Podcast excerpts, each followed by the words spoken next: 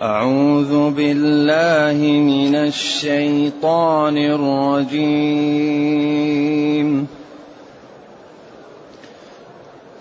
وأقسموا بالله جهد أيمانهم لا يبعث الله من يموت.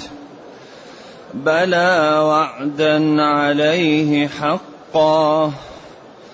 ولكن أكثر الناس لا يعلمون.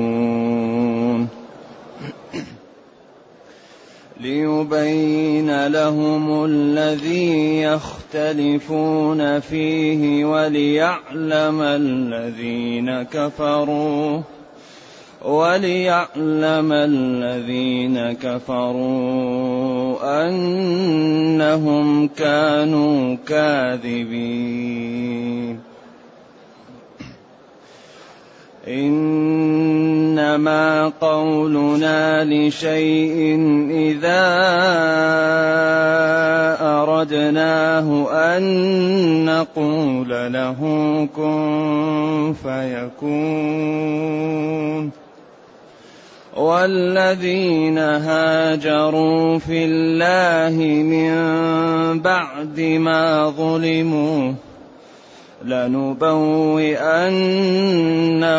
في الدنيا حسنة ولأجر الآخرة أكبر لو كانوا يعلمون الذين صبروا وعلى ربهم يتوكلون. وما أرسلنا من قبلك إلا رجالا إلا رجالا نوحي إليهم. فاسألوا أهل الذكر إن كنتم لا تعلمون.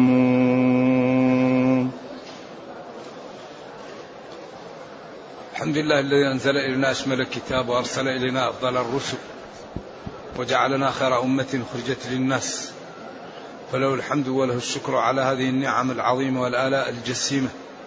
والصلاة والسلام على خير خلق الله وعلى آله وأصحابه ومن اهتدى بهداه. ما بعد فإن الله تعالى يبين كذب الكفار وأقسموا بالله جهد إيمانهم. هي جهد إيمانهم. القسم بالله هو جهد اليمين أقصى اليمين. لا يبعث الله من يموت عطف بيان على أقسموا بالله. القسم هو الحلف ولا يكون إلا بالله وبصفاته والأيمان أربعة يمينان يكفران ويمينان لا يكفران على قول الجمهور. والله أمر أن نحفظ أيماننا قال إذا حلفتم واحفظوا أيمانكم. ونهى أن نجعل الأيمان مانعا لنا من عمل الخير. قال تعالى ولا تجعلوا الله عرضة لأيمانكم أن تبروا أي كراهة أن تبروا أو لألا تبروا وهو تعظيم لله وتأكيد لما يريده الإنسان. نعم. والعرب قبل الإسلام كانوا يؤمنون بالله ويعلمون أنهم إذا دهمتهم الكروب لا يشركون بالله وإذا جاءتهم العافية يشركون. ولذلك قال تعالى وإذا غشيهم موج كالظلل دعوا الله مخلصين له الدين. فلما نجاهم إلى البر إذا هم يشركون. وقال وفرحوا بها. جاءتها ريح عاصف وجاءهم الموج من كل مكان وظنوا أنهم أحيط بهم. دعوا الله له الدين. وسبب إسلام عكرمة بن أبي جهل أنه لما فتح النبي صلى الله عليه وسلم مكة ركب سفينة وذهب إلى الحبش فهاج عليهم البحر فقال أهل السفينة احذروا أن تدعوا ربا غير رب محمد الآن حتى لا تغرقوا. فقال اللهم إن كان لا ينجي في ظلمات البحر إلا هو فلا ينجي في ظلمات البر إلا هو. اللهم لك علي عهدا إن أنقذتني لأذهبن إلى رسول الله صلى الله عليه وسلم فلا ضعن يدي في يده.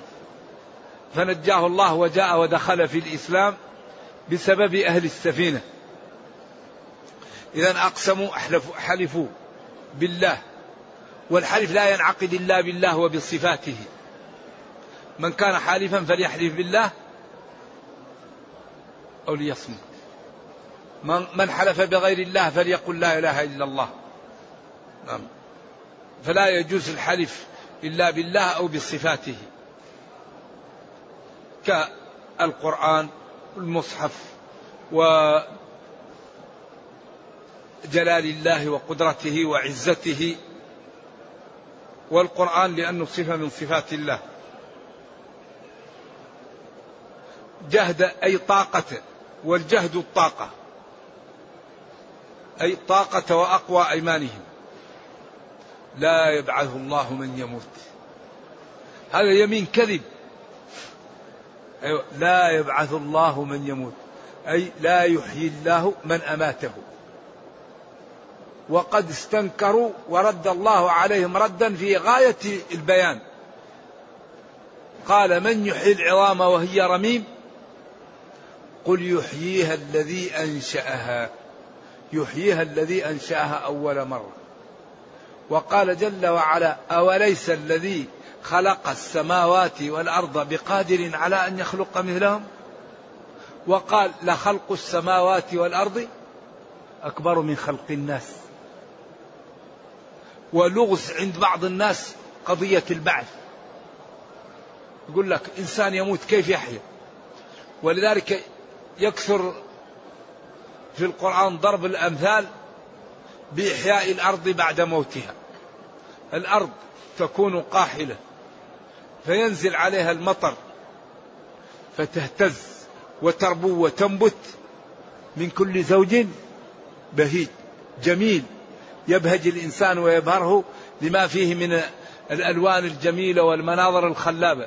بعدين قال ذلك بأن الله هو الحق وأنه يحيي الموتى كما أحيا الأرض القاحلة. وقال وترى الأرض هامدة فإذا أنزلنا عليها الماء اهتزت وربت وأنبتت من كل زوج بهيج ذلك بأن الله هو الحق وأنه يحيي الموتى. وقال هناك في الآية الأخرى كذلك النشور وفي الآية الأخرى كذلك تخرجون. ماذا قبل كذلك النشور؟ وك...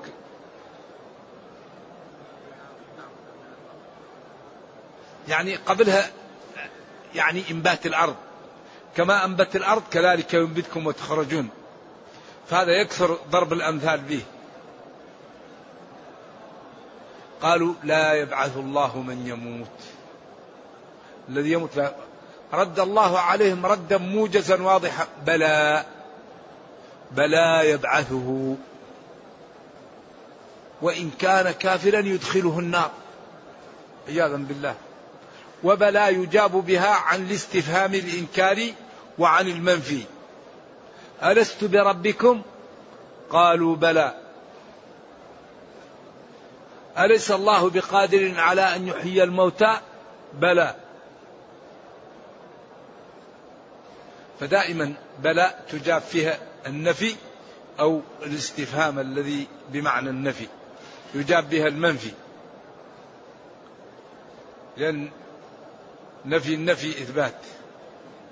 ولكن أكثر الناس لا يعلمون. لكن استدراك. الأكثر الجل. الناس خلق بنو آدم. لا يعلمون حقيقة الأمر وقدرة الله وما أعد للمتقين وما أعد للمجرمين وأن أمره إذا أراد شيئا. نعم. لذلك لعدم علمهم قالوا لا يبعث الله من يموت. لذلك لا يغتر العاقل بالتيار ولا بالموضة ولا بكثرة الأخطاء الجارفة. العاقل لا يغتر لأن الله يقول وما أكثر الناس ولو حرصت بمؤمنين ويقول وإن تطع أكثر من في الأرض يضلوك عن سبيل الله وفي الحديث الصحيح أن نصيب الجنة واحد من الألف. إذا العقل لا يغتر بالموضة ولا بكثرة الضائعين ولا بالمنحرفين وإنما يهتم بالجادة بالحق بدأ الإسلام وسيعود غريبا كما بدأ فطوبى للغرباء. فالمسلم يتمسك بالدين ولا يهم في من أخطأ. بلى قال لهم يبعث الله من يموت. يبعثه ويجازيه. ولكن أكثر الناس لا يعلمون. لا يعلمون ذلك ولا يعلمون ما وراء البعث. ولا يعلمون خطورة التكذيب بالبعث ليبين لهم. يبعثهم ليبين لهم. ويوضح لهم الأمر الذي اختلفوا فيه الشيء الذي اختلفوا فيه. من قولهم يبعث الله ومن قولهم لا يبعث الله. فيأتي ويجازى ويبين. ليبين لهم الذي اختلفوا فيه العالم كله اختلفوا. منهم من قال لا إله إلا الله ومنهم من أشرك ومنهم من آمن بالبعث ومنهم من كفر به. يبعثهم ليبين لهم الأمور التي اختلفوا فيها ويوضح لهم كل شيء. وليعلم الذين كفروا يستيقنوا أنهم كانوا كاذبين. وليعلم الكافرون أنهم كانوا كاذبين. في قولهم لا يبعث الله من يموت. وهذا إخبار لنا لنستفيد هذا القرآن وهذه الشرائح التي هلكت والشرائح التي نجت وهذا الأسلوب الرائع يقص علينا ويكرر لنعتبر ونستفيد. فاعتبروا يا أولي الأبصار. فاعتبروا يا أولي الأبصار. نعم. فهذا للاعتبار وللاستفادة وللمبادرة بأخذ الحيطة قبل أن تنفلت روح الواحد ولم يكن مستعدا لذلك على أخطاء على معاصي على أمور. فيندم في وقت لا ينفع الندم. اذا يبعثهم ليبين لهم الذي اختلفوا فيه. ويوم القيامة ما فيه كتم ما فيه جحد ما فيه كل شيء يظهر. كل واحد يعطى له كتابه كل واحد يعطى له أماراته كل واحد تشهد عليها أعضاؤه. ما في مهرب الوجه المستقيم وجهه مستنير تبيض وجوه. المنحرف وجهه ترهقها قترة. الذنوب والمعاصي على الوجه ظلام. ما يمكن واحد يكتم أمره. إذا كذب يكذبه فخذه تكذبه يده. يوم تشهد عليهم ألسنتهم وأيديهم وأرجلهم بما كانوا يكسبون. يومئذ يوفيهم الله دينهم الحق. ويعلمون أن الله هو الحق المبين الواضح الذي جاءهم به وبين لهم وأنه هو الحق جل وعلا. نعم. فلذا لا مهرب ولا خلاص إلا بالصدق.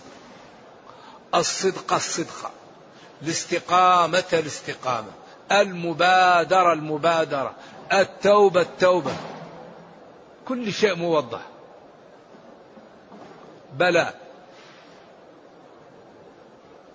ليبين لهم الذي يختلف. ولكن أكثر الناس لا يعلمون.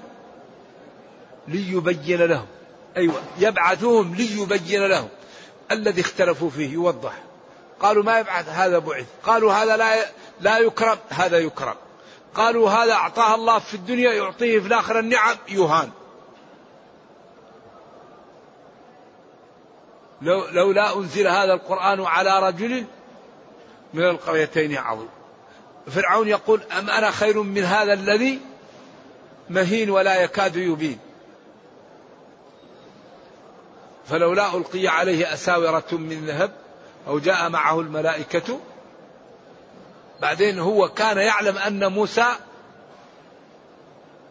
صادق ولكنه استخف قومه فأطاعوا بدليل أنه لما جاءته نقطة الصفر قال آمنت.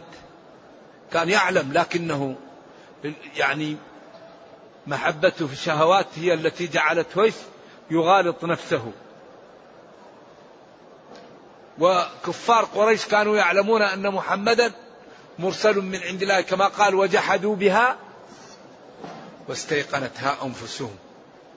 كانوا يقول والله لا نعلم أنه صادق. لأن هذا الكلام ما يأتي به بشر. قالوا سحر ما هو سحر كهانة ما هو كهانة. سجع ما هو سجع. إيش هو؟ قال والله إن أعلاه لمذهل وأسفله مغدق وإنه لا يعلو ولا يعلى عليه. قال لا بد أن تقول. قال ما لا أقول. قال لازم تقول. فكر وقدر فقتل كيف قدر.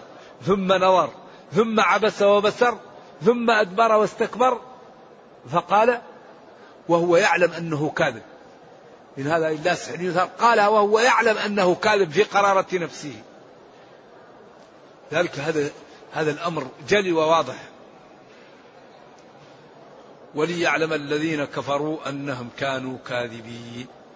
ليتضح للكفار كذبهم وبهتانهم وزورهم وأن ما جاءتهم الرسل به حق وأنهم كانوا في ضلال عياذا بالله. ثم بين أيوة. أيوة. ليوضح لهم ما اختلفوا فيه أمر أولا وليوضح لهم أنهم كانوا كاذبين. ثم بين قدرته وشمول علمه أنه إذا أراد شيئا أن يقول له كن فيكون. إنما أمرنا لشيء إذا أردناه أن نقول له إنما قولنا لشيء إذا أردناه أن نقول له كن فيكون. إنما قولنا لشيء إذا أردنا. ولذلك القرآن صفة الله يخلق بها غير مخلوق. إنما قولنا لشيء إذا أردناه أن نقول له كن بكن يخلق. كن فكان. ولذلك وكلمته ألقاها إلى مريم وروح منه. نعم. أي روح صادرة من الله بقولها كن فكانت. إنما قولنا إنما نصيغ الحصر. قولنا قول الله لشيء إذا أراده أن يقول له كن فيكون. من هذه قدرته؟ هل يعصى؟ هل هل تخالف أوامره؟ هل تنتهك نواهيه أمره إذا أراد شيئا أن يقول له كن فيكون. هذا برهان على ما بعده. ما الذي بعد هذا؟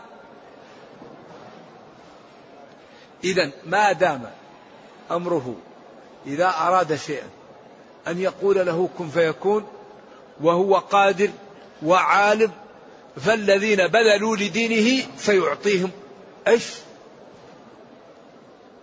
سيعطيهم الجزاء الأوفاء وسيعطيهم حقوقهم ولا ينقصهم جل وعلا مما عملوا شيئا من أجورهم. إذا هذا برهان ودليل إنما أمرنا لشيء إذا أردناه أن نقول له كن فيكون. بعدين قال والذين هاجروا في الله من بعد ما ظلموا لنبوئنهم في الدنيا حسنة هذا ماذا هذا إخبار من الله الذي قدرته إذا أراد شيئا أن يقول له كن فيكون. فيطمئن هؤلاء ويسعدوا بما وعدوا به ومع ذلك ربنا لا يخلف الميعاد. وما وعد به كان واقعا لا محالة. فليبشر الذين بذلوا أوقاتهم وتركوا أوطانهم لدين الله والذين هاجروا.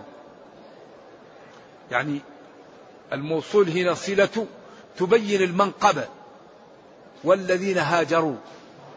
فيش؟ في الله. ما هاجروا لغير لمال أو لمنصب أو لامرأة يتزوجها. هاجروا في الله. أي في طاعة الله وفي مرضاة الله وفي سبيل إعلاء كلمة الله. تركوا أوطانهم من بعد ما ظلموا وضيقوا وفعل بهم من الأذية ما الله به عليم.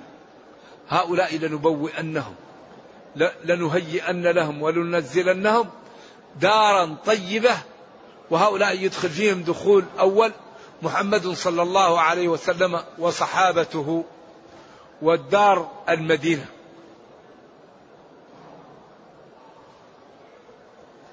والذين هاجروا تركوا أوطانهم والهجرة كانت في أول الإسلام واجبة. وكان الذي لا يهاجر يكون عمل معصية قريبة من الكفر. الذي يستطيع يهاجر ولا يهاجر خطر. ولذلك قال لهم ألم تكن أرض الله واسعة فتهاجروا فيها؟ فأولئك مأواهم جهنم. قال إلا المستضعفين من الرجال والنساء والولدان لا يستطيعون حيلة ولا يهتدون سبيلا. قال ابن عباس أنا وأمي كنا من المستضعفين. وإن كان صغيرا وقالها أو ابن عمر أو هما معا. لنبوئنهم في الدنيا حسنة. يعني مكانا طيبا وأجرا أو مدينة فيها العافية وفيها العبادة والطمأنينة. أو لنرزقنهم. وهذا مرجوح. ولأجر الآخرة أكبر. وما ينالونه من الكرامة ومن المنقبة ومن الرفعة ومن المتعة في يوم القيامة أعظم وأكثر وأنفع. أكبر. لنبوئنهم لنعطينهم في الدنيا حسنة مكانا طيب ومأوى وعافية ورزقا ونعطيهم في الآخرة أكبر مما نالوا في الدنيا. الذين صبروا الذين صبروا وعلى ربهم يتوكلون. أكبر لو كانوا يعلمون. بعدين قال الذين صبروا. الذين يمكن منصوبة على المدح أو هم الذين وكذلك أيضا للمدح. صبروا. وعلى ربهم يتوكلون. هاتان الصفتان من اتصف بهما نجا وأعزه الله. صبروا على طاعة الله. صبروا عن معاصي الله. صبروا على أقدار الله. وتوكلوا على الله فيما يفعلون وفيما يذرون. وقاموا بالأسباب واتكلوا على الله. هؤلاء سينالهم سينالهم في الدنيا الخير وفي الآخرة يعني الجنة. الذين صبروا وعلى ربهم يتوكلون. صبروا على ما يأتيهم في دين الله وتوكلوا على الله. لأن الله يقول ومن يتوكل على الله فهو حسبه. ويقول وتوكل على الحي الذي لا يموت. قال العلماء غير الله يموت فمن توكل عليه أوقع نفسه في الورطة والهلكة. إذا الذين صبروا. أكبر أصعب الصبر الصبر عن المعاصي. إنسان يذهب للسوق ويغض بصره إنسان في المجلس يمسك لسانه. إنسان في المجلس يمسك رجله لا يمشي للحرام. يده لا يلمس بها حرام. بطنه لا لا يضع فيه حرام. الصبر هذا على الطاعات صعب جدا. الصبر عن المعاصي الصبر على أقدار الله. الإنسان إذا كان في الدنيا معرض لأي شيء لأن الدنيا دار إيش أيوة. لا يمكن الإنسان يبقى في الدنيا إلا نال ما لا يحبه لأن هذه حياة. فالإنسان لا يتسخط ويسأل الله العافية ويعلم أنه يعني يريد من الله التعويض والأجر. ويتوكل على الله بعد الأخذ بالأسباب. لا بد أن نأخذ بالأسباب لأن الذي لا يأخذ بالأسباب هذا تواكل وتلاعب. ولذلك أكبر أسباب ضعف المسلمين عدم القيام بالأسباب. الذي قوض الأمة وضعفها بالنسبة للعالم عدم القيام بالأسباب. أوفوا بعهدي؟ أوفي بعهدكم الأمة المسلمة مليار وستمائة مليون لكن في أوامر معطلة. أعدوا كونوا تعاونوا اثبتوا يغضوا من أبصارهم. نواهي معطلة. لا تقربوا الزنا لا يغتب بعضكم بعضا لا يسخر قوم من قوم. ولا تنازعوا. نواهي منتهكة أوامر معطلة. هذا سبب تقويض الأمة المسلمة. مليار وستمائة مليون. فإذا أردنا أن تقوى الأمة وتكون في مكانتها نفعل الأوامر ونجتنب النواهي. والله يضمن لنا أمرين. يصلح لنا دنيانا ويصلح لنا أخرانا. والله يقول أوفوا بعهدي أوفي بعهدكم. وقال جل وعلا إن الله لا يخلف الميعاد. إذا حري بنا أن كل واحد منا يقوم بما يستطيع. و و و والأمم تتكون من الأفراد. كل فرد منا يقوم بما يستطيع. فلا يرى حيث نهي ولا يتخلف حيث أمر وما أراده أعطاه له ربه. الذين صبروا وعلى ربهم يتوكلون. الذين صبروا وعلى ربهم يتوكلون اصبر. ولا تضجر. من مطلب فآفة الطالب أن يضجر. فمدمن القرع للأبواب أن يلج. ما يمكن الواحد يكون كل يوم يقرأ القرآن إلا حفظه. ما يمكن الواحد يكون كل يوم يغض بصره ويكف لسانه إلا امتلأ قلبه من؟ من الورع. ولذلك الذي يداوم على شيء الله يعطيه إياه. نعم. ثم إنهم أنكرت قريش إرسال الرسل من البشر وقالوا الله كيف يرسل بشر للخلق كيف ما يرسل لهم الملائكة فرد عليهم بقوله وما أرسلنا من قبلك إلا رجال ليسوا ملائكة وإنما هم رجال نوحي إليهم من أهل القرى وليسوا من أهل السماء. وهذا يدل على أمرين. وإن كانت الآية سيقت للرد على الكفار في أن الرسل من بني آدم. فالأمر الأول أنه لا يرسل الرسول من البادية. الأمر الثاني أنه لا يرسل رسول إلا ذكرا. أيوة هذا فهم من, من الآية. وإن كان السياق للرد على الكفار في أن الرسل ليسوا ملائكة وليسوا من أهل السماء. لكن فهم هذا من السياق. إذا وما أرسلنا من قبلك إلا رجالا. وهو آخر الرسل. أيوة. ما فالنساء ما فيه امرأة رسول. ولن يفلح قوم ولوا أمرهم امرأة. وقال وللرجال عليهن درجة. وقال الرجال قوامون على النساء. وقال أومن ينشأ في الحلية وهو في الخصام غير مبين. فأخذ من المرأة قليل وعوضها عنه كثير. فلم يجعل عليها نفقة ولا مهر ولا سكنى ولا جهاد ولا جماعة ولا جمعة. جعل عليها أن تأتينا كل سنة بولد أو ببنت تتزوج وتكون مصنع للأمة. تصنع لنا الرجال وتصنع لنا الصانحات القانتات الصالحات القانتات الحافظات للغيب وهذا أكبر قوة للأمة. والرجل هو الذي يخرج ويأتي بالمال ويأتي بأشياء وهي تكثر لنا الأمة. ولذلك أقوى دولة الآن هي كل ما زادت الأمة كل ما قوية وكل ما قلت الأمة كل ما إيش؟ ضعفت. لأن إذا زادت كثر الأطباء والمهندسون والمخترعون والعمال والأذكياء فيقوى البلد وإذا قل البلد ضعف. فلذلك قال فإني مكاثر بكم الأمم الودود الولود.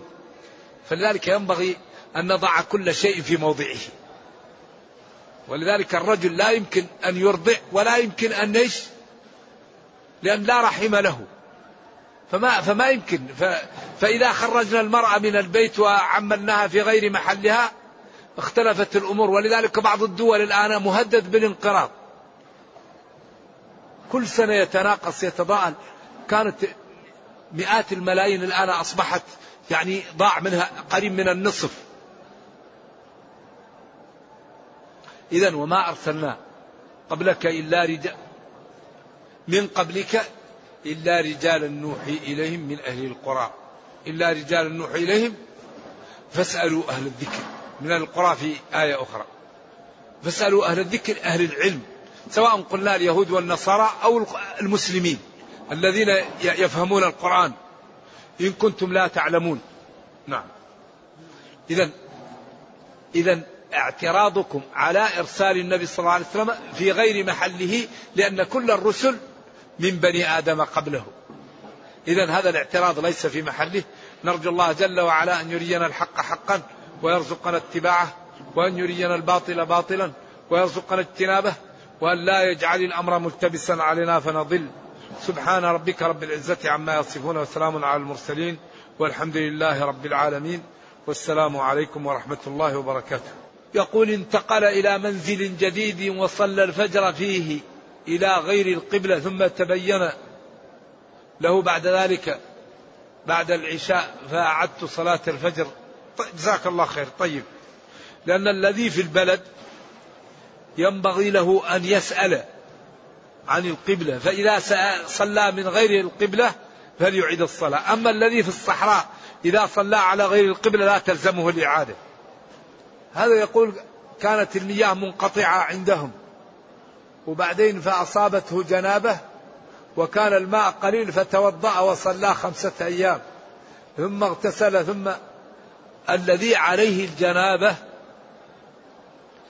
لا بد أن يغتسل أو يتيمم لأن الوضوء ما, ما, ما يصلح لهذا. لأن الطهارة أصلية وطهارة بدلية وطهارة كبرى وطهارة صغرى. فالطهارة الأصلية الماء والطهارة البدلية التراب. وهل ترفع الحدث أو تبيح الصلاة؟ أقوال للعلماء. يجي يكفيك الطهور ولو لم تجد الماء يكفيك التراب يعني ولو لم تجد الماء عشر سنين. فإذا رأيت الماء فاتق الله وامسسه بشرتك فهنا الذي لا يجد الماء وهو عليه جنابة الوضوء لا ينفعه. وإنما يتيمم. يأخذ يديه ويضرب بهم الأرض ويمسح وجهه ويديه وإن أراد أن يضرب بالأولى وجهه وبالثانية يديه إلى المرفقين يجوز. نعم. على خلاف للعلماء. والجنب لا بد من الاغتسال ولا يمنع من الاغتسال إلا فقد الماء أو المرض. الذي إذا اغتسل زاد أو خاف على نفسه. كعبد الله بن عمرو بن العاصي. عمرو بن العاصي لما كان في محل يعني بارد يعني تيمم وصلى بقومه قال خفت. الله يقول ولا تقتلوا أنفسكم محل بارد. فخفت أن نهلك نعم. المهم أن الذي عليه الجنابة لا بد له من الاغتسال أو يتيمم. أما الوضوء لا يكفيه ذكرت أن الأيمان والله لا أفعلن والله لا أفعلن. هذان يكفران. المستقبل. والله ما فعلت. والله لقد فعلت. هذا لا يكفران. لأنك إن كنت مخطئ لا يؤاخذكم الله بالله في أيمانكم. وإن كنت متعمد هذا يمين غاموس. إذا والله ما فعلت والله لقد فعلت. هذا لا يكفر. لأنك إن كنت متعمدا غاموس. وإن كنت مخطئ لا يؤاخذكم الله باللغو في أيمانكم. على على قول أما في أقوال أخرى. هو يقول كيف استيقظت لصلاة الفجر فتوضأ وصليت ولم أعد للنوم ثم توضأت للظهر وصليت الظهر والعصر والمغرب ثم أتيت لأتوضأ لصلاة العشاء فرأيت في ملابسي ما يدل على أني احتلمت. فاغتسلت وصليت العشاء. لا تغتسل وتصلي الفجر والظهر والعصر والمغرب والعشاء. لأنك صليت هذه الصلوات بالوضوء وأنت عليك الجنابة وهذا لا يصح. وأنت من بعد الفجر لم تنم. إذا تغتسل من آخر صلاة آه، بعد النومة واضح؟ إذا تصلي الفجر والظهر والعصر والمغرب والعشاء. صلواتك السابقة تعيدها. نعم. فأخذه الله نكال الآخرة والأولى. قيل ما علمت لكم من إله غيري والثانية أنا ربكم الأعلى. وقيل غير ذلك. كيف نرد على شخص صوفي نصحته بترك البدع؟ وقال لي نحن لنا علماء ومشايخ يفهمون الأحاديث. هذه على كل حال لا ينبغي أن يلقى الكلام على عواهنه. ينبغي الذي يريد أن يعمل شيء يكون عنده أدلة والذي يريد أن ينفي يكون عنده أدلة. وإذا اختلفنا في شيء نرجعه للكتاب والسنة. فإن تنازعتم في شيء فردوه إلى الله والرسول.